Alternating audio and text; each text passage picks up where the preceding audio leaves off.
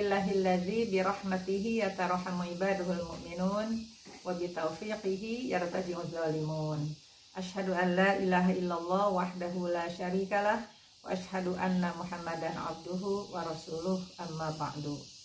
Alhamdulillah pada hari ini mudah-mudahan kita dalam keadaan sehat, afiat, dalam keadaan kita terus memperbaiki dan terus berkomitmen untuk menjadi lebih baik dan pada hari ini mudah-mudahan rahmat, lindungan, pertolongan Allah senantiasa dicurahkan kepada kita semua. Amin. Alhamdulillah kajian kita surat Al-Waqiah ini sudah lebih dari setengah perjalanan dan mudah-mudahan kajian ini benar-benar memberi arti kepada kita semua untuk bagaimana pemahaman kita kepada Al-Quran terus bertambah. Dan pada pembahasan ini sengaja dikelompokkan untuk memudahkan terutama para asatid yang menjadi sasaran utama kajian ini mendapatkan pemahaman yang secara bertahap ya. E, tidak sekarang sekaligus karena memang kita punya keterbatasan segala sesuatunya maka pembahasan ini secara nyicil kemudian mudah-mudahan mudah dihafalkan. Bagi yang sedang merojaah langkah-langkah murojaah kita ini difokuskan juga kepada pengelompokan itu dan bagi yang ingin menjadikan bacaan dalam sholat ya kita akan mudah dari mana mulai dan mana berhentinya atau mencuplik ya ayat-ayat itu sesuai dengan kelompoknya. Untuk kesempatan ini kita akan membahas lanjutan ayat yang berkaitan dengan eh, kelompok selanjutnya. Pada pada ayat sebelumnya kita sudah membahas sebetulnya intinya itu ada pada yang kemarin ya kelompok keempat mengenai ten, e, kelompok kedua, tiga dan empat tentang e, kelompok manusia nanti di akhirat yang menjadi ahli surga dan ahli neraka. Dan pada intinya surat Al-Waqiah ini ada di kelompok ayat itu. Dan selanjutnya kita akan membahas ayat dari 57. Khusus untuk ayat 57 ini akan kami bahas secara tersendiri satu ayat, tidak dikaitkan dengan ayat berikutnya. Hal ini karena mengingat makna dari ayat ini pun lebih cenderung menjadi semacam sub pendahuluan, artinya menjadi pengantar untuk menjelaskan ayat-ayat yang berikutnya. Bahkan di beberapa sistematika penulisan tafsir dari tafsir-tafsir yang menjadi referensi kami, ayat ini dibahas tersendiri. E, adapun ayat yang akan kita bahas ini ayat 57 e, kita akan baca dulu. A'udzu billahi minasyaitonir rajim. Nahnu khalaqnakum falawla tusaddiqun Nahnu khalaqnakum Kami telah menciptakan kalian. Falawla tusaddiqun.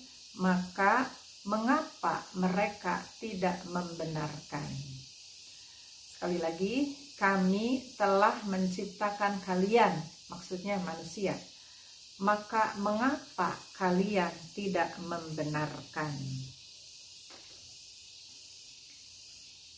Kesimpulan dari ayat tersebut menjelaskan bahwa Allah adalah yang telah menciptakan kita manusia. Dan manusia ada yang tidak meyakini atau tidak membenarkan terhadap penciptaan itu.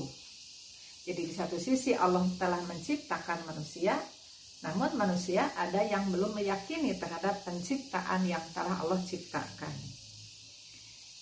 Marilah kita kaji ayat tersebut untuk mendapatkan apa yang dimaksud dengan kandungan ayat itu. Ayat ini berupa jumlah khobariyah pernyataan bahwa nahnu khalaqnakum kami yang telah menciptakan kalian manusia. Nah, ketika kita memahami ayat ini, yang dimaksud menciptakan di sini ya e, mungkin secara umum lah setiap manusia yang kita menerjemahkan ayat ini bahwa menciptakan itu adalah bagaimana Allah menghidupkan kita ke dunia. Allah menjadikan kita ada di dunia. Itu secara umum orang akan memahami nah nahnu khalaqnakum. Kemudian penggunaan di sini menggunakan lafaz nahnu. Nahnu ini adalah kami dan nahnu itu adalah menunjukkan banyak. Nah, berarti siapa nih yang menciptakan ini kami itu banyak ini? Maka beberapa mufasir mengatakan bahwa ketika eh, pada dasarnya Allah yang menciptakan akan tetapi kenapa menggunakan domir nahnu? Karena diduga dengan kuat bahwa ada yang terlibat dalam penciptaan ini. Kalau tadi diartikan bahwa penciptaan adalah manusia dilahirkan, manusia dihidupkan di dunia, maka ada yang terlibat dengan kelahirannya manusia itu yaitu sesama manusia yang dimaksud adalah orang tua atau ibu dan bapaknya. Sehingga domir yang digunakan adalah domir mutakalim nahnu. Terlepas dari itu, apakah memaknai nahnu khalaqnakum hanya sebatas bahwa manusia dihidupkan ke dunia saja gitu ya.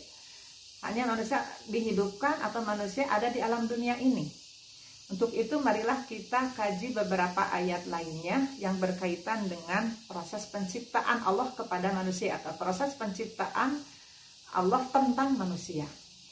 Misalnya di surat Al-Muluk ayat 2. Alladzi khalaqal mauta wal hayata liyabluwakum ayyukum ahsanu amala.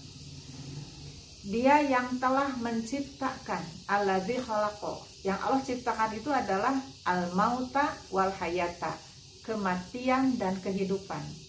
Liya beluakum untuk menguji kalian manusia. Berarti Allah menciptakan manusia melalui proses kematian, kemudian kehidupan untuk supaya Allah menguji manusia. Ayyukum ahsanu amalan. Siapa yang paling baik amalnya? Di dalam ayat tersebut ada menyebut kata-kata mauta wal hayata, kematian dan kehidupan. Maka kita bisa mengaitkan dengan ayat ini bahwa penciptaan Allah kepada manusia itu adalah penciptaan mati dan penciptaan hidup, menciptakan kematian dan menciptakan kehidupan. Kemudian yang pertama disebut adalah al-maut, kemudian al-hayat. Berdasarkan ayat ini berarti penciptaan yang pertama itu adalah penciptaan kematian. Penciptaan manusia dimatikan dulu. Lalu kemudian manusia selanjutnya adalah ada kehidupan. Apalagi jika ayat ini dikaitkan dengan surat Al-Baqarah ayat 28 yaitu kaifa takfuruna billahi wa kuntum amwatam fa ahyakum thumma yumitukum thumma yuhyikum thumma ilaihi turja'un Mengapa kalian kufur? Padahal kuntum amwatan kalian itu adalah asalnya mati fa'ahyakum. Kemudian Allah menghidupkan kalian. Summa yumitukum. Sudah hidup kemudian Allah akan mematikan kalian. Kemudian Allah akan menghidupkan kalian. Berdasarkan surat Al-Baqarah yang tadi, ada korelasinya dengan surat Al-Muluk bahwa penciptaan Allah terhadap manusia itu adalah menciptakan kematian dan menciptakan kehidupan. Di Al-Baqarah pun sama, urutannya amwat dulu. Kemudian eh, ahya, kemudian yumitukum, summa yuhikum, mati hidup, mati hidup. Di dalam Al-Baqarah ada dua kali masa, masa kematian dan masa kehidupan. Maka kedua ayat ini dapat dijamu, dapat digabungkan bahwa penciptaan itu adalah sifatnya gitu, sifat penciptaan itu e, menciptakan kematian dan menciptakan kehidupan. Di surat Al-Baqarah dijelaskan itu terjadi dua kali. Setiap manusia mengalami seperti itu, dua kali e, kematian dan dua kali kehidupan. Nah, ketika kita memahami e, ayat yang tadi, nahnu khalaqnakum, e, kemudian kita hanya menjelaskan atau memahami bahwa itu adalah menghidupkan ke dunia. Nah, berarti ada masa penciptaan yang kita tidak mengakomodir atau kita tidak e, memaknainya. Sementara tadi ada proses dulu sebelum hidup itu ada kematian dulu. Di dua ayat itu diterangkan kematian dulu yang diawalkan. E, nah, kalau misalnya ini diartikan bahwa manusia dihidupkan, berarti pasti akan melalui fase yang pertama yaitu fase manusia kematian, fase manusia dimatikan. Yang di dalam surat Al-Insan dikatakan itu adalah eh, lam yakun syai'an madhkuro. Ya. Jadi setiap manusia menghadapi masa ini. Surat Al-Insan ayat pertama, hal aka alal insani hinum minad dahri lam yakun syai'an madhkuro apakah telah datang ya kepada manusia satu waktu yang tidak diketahui namanya apa. Nah, kalau dihubungkan dengan ayat ini, masa apa yang tidak diketahui namanya itu, tidak bisa disebutkan namanya, tapi setiap orang melewati itu. Nah, jika dihubungkan dengan kedua ayat tadi, maka ketika manusia dihidupkan oleh Allah ke dunia, artinya manusia ini melewati fase yang pertama yaitu fase kematian. Artinya kehidupan manusia ke dunia ini adalah kehidupan yang kedua. Uh, penciptaan yang kedua. Ketika manusia dihidupkan adalah penciptaan yang kedua setelah melewati penciptaan yang pertama itu penciptaan kematian. Artinya manusia pada awalnya diciptakan oleh Allah mati tidak ada. Dan masa itu tidak ada namanya dalam surat Al-Insan lam yakun syai'am madhkura. Tidak ada nama yang apa sih disebutnya masa tersebut? Hanya yang jelas kita tidak ada. Mungkin tepatnya bukan mati tidak ada gitu ya. Tidak ada. Ada masa manusia tidak ada. Kemudian ketika ada ayat yang menyatakan kholakna kami ciptakan itu adalah dari tidak ada menjadi ada atau menjadi hidup. Kemudian kita tadi sudah eh, apa ya me, mendapatkan e, pemahaman dari surat Al-Baqarah bahwa ada dua kali kematian dan kehidupan itu. Nah, untuk kita yang hari ini sedang hidup, ya sedang ada di dunia ini, berarti kita sudah melewati masing-masing satu fase, fase kematian dan fase kehidupan. Nah, pada surat Al-Baqarah, ketika menjelaskan fase kematian dan kehidupan yang kedua, itu keduanya dengan menggunakan fi'il mudhari. Kaifa takfuruna billahi wa kuntum amwatan. Amwat itu adalah fase satu ya, kematian. E, Fa'ahyakum, ahya fi'il madi. Artinya bagi yang sudah lahir sekarang ke dunia, artinya sudah dihidupkan oleh Allah. Bahasa kalimat yang digunakannya pun fi'il madi Kemudian summa yumitukum sesudah dihidupkan oleh Allah kemudian akan ada kematian. Yumitukum akan ada kematian. Sesudah kematian yang Allah akan ciptakan itu summa yuhikum kemudian akan ada masanya Allah menghidupkan kembali. Berdasarkan Al-Baqarah maka masa yang apa ya yang uh, endingnya itu akhirnya manusia ini penciptaan manusia yang di, uh, yang terakhir ini adalah penciptaan manusia dalam keadaan hidup. Jadi Allah akan menghidupkan manusia. Kalau melihat dari surat al dan memang seperti itu. Maka ketika tadi memahami nahnu khalaqnakum berarti kita ada pada fase penciptaan hidup yang pertama setelah melewati penciptaan e, fase kematian. Nah, lalu setelah kita memahami bahwa arti dari nahnu khalaqnakum adalah seperti itu, Maka bagaimana korelasinya dengan akhir ayat yang 57 ini? Falaula tusaddiqun.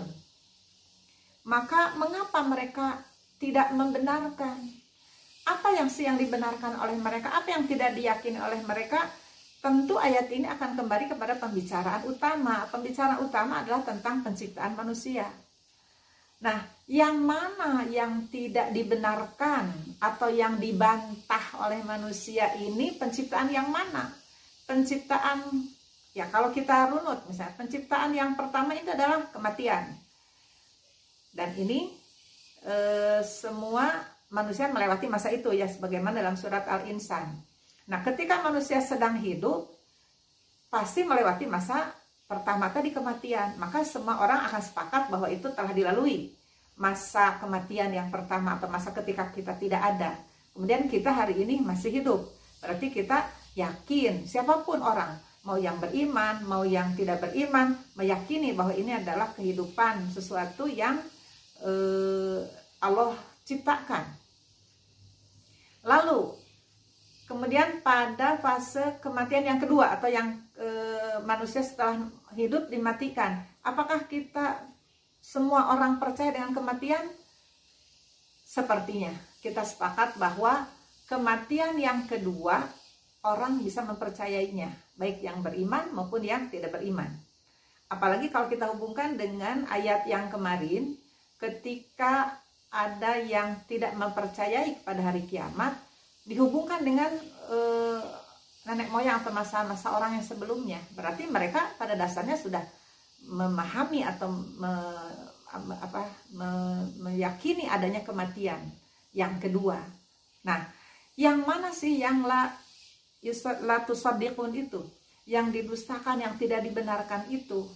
Nah, yang tidak di yang tidak semua manusia menerima ini adalah penciptaan manusia pada kehidupan yang kedua. Dan inilah yang menjadi core inti dari dakwah Rasulullah Shallallahu Alaihi Wasallam oleh Allah diutus ke Mekah. Di antara intinya adalah bagaimana memahamkan, bagaimana meyakinkan kepada seluruh manusia bahwa Allah telah menciptakan sunatullah seperti itu. Bahwa Allah menciptakan manusia itu menciptakan matinya dan menciptakan hidupnya. Masing-masing dua kali kemat kehidupan yang kedua inilah yang apa ya merak, e, menjadi tantangan tersendiri khususnya bagi para rasul untuk bagaimana meyakinkan pada manusia bahwa akan ada kehidupan yang kedua. Dan di kehidupan yang kedua itu akan ada alam yang e, spesifik lagi, alam yang khusus yang Allah akan terangkan. Jadi kuncinya percaya dulu atau tidak percaya. Kalau sudah percaya ada, maka yang lain-lainnya yang yang berkaitan dengan kehidupan kedua pasti akan dipercayainya. Dan ketika tidak percaya, maka sulit untuk percaya. Maka e, kalimat ini ya tentang nahnu khalaqnakum falaula tusaddiqun disandingkan dengan kelompok yang ketiga, tidak lain adalah ashabus shimal. Kenapa?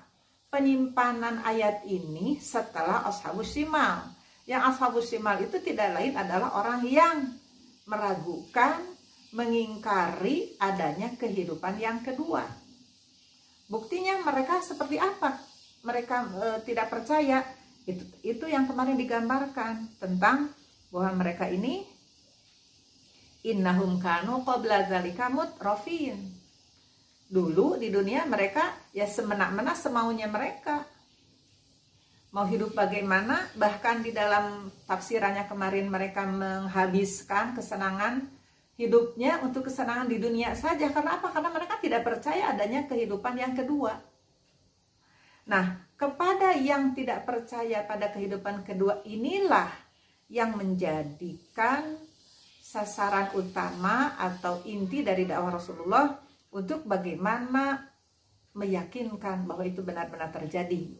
Dan kehidupan yang kedua itu yang bernama akhirat itu ditandai dengan gejala-gejala alam yang sudah disebarkan dalam ayat Quran banyak ayat yang menerangkan itu akan ada alam tersebut ketika dunia sudah musnah.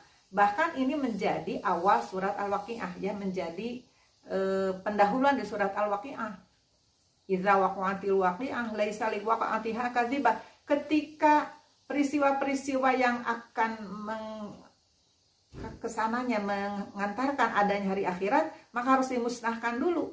Maka ketika memusnahkan alam raya ini yang begitu kokoh, baru manusia pada saat itu tidak ada yang bisa mendustakan bahwa benar adanya kerusakan itu terjadi, baru manusia ngeh bahwa benar adanya, bahwa kiamat itu ada. Tapi alangkah eh, apa? alangkah menyesalnya atau alangkah sia-sianya kalau keyakinan itu ada pada saat alam sudah dimusnahkan dan e, mulailah dari situ kiamat atau adalah kehidupan akhirat yang seterusnya yang kemarin dikatakan lama majmu'una ila miqati yaumi ma'lum akan dikumpulkan di tempat-tempat yang sudah ditentukan sudah selesailah orang jika hanya mengakui pada saat itu. Maka pada eh, ayat ini kita yang masih menjalani ya fase dua, maksudnya fase kehidupan yang pertama, kita alhamdulillah mendapatkan informasi seperti ini. Mudah-mudahan ini betul-betul meras merasuk ya ke dalam jiwa kita bahwa kehidupan kedua ini adalah kehidupan yang pasti akan terjadi dan mudah-mudahan kita membenarkan kehidupan yang kedua itu eh, benar-benar terjadi. Selanjutnya, eh, setelah kita dapat memahamkan, memahami dan menyimpulkan bahwa kehidupan yang didustakan itu adalah kehidupan yang eh, terakhir, maksudnya kehidupan yang kedua atau ya di alam yang kedua itu, kehidupan di alam akhirat. Hal ini didukung oleh ayat-ayat ke bawahnya. Nah, bagaimana cara Allah meyakinkan orang-orang yang tidak membenarkan ya kepada eh, adanya kehidupan di yaumal akhir nanti? Allah mencoba mengusik jiwa, hati, pikiran manusia dengan apa ya me, memperlihatkan dengan me, apa ya semacam berusaha untuk berpikir atau eh, apa ya menganalisa gitu ya apa yang terjadi di hadapan manusia di dunia nyata. Lalu kemudian dihubungkan bahwa itu ada kaitannya dengan kekuasaan Allah bahwa Allah kuasa untuk menjadikan ada kehidupan di akhir nanti bahwa ada kehidupan setelah kematian.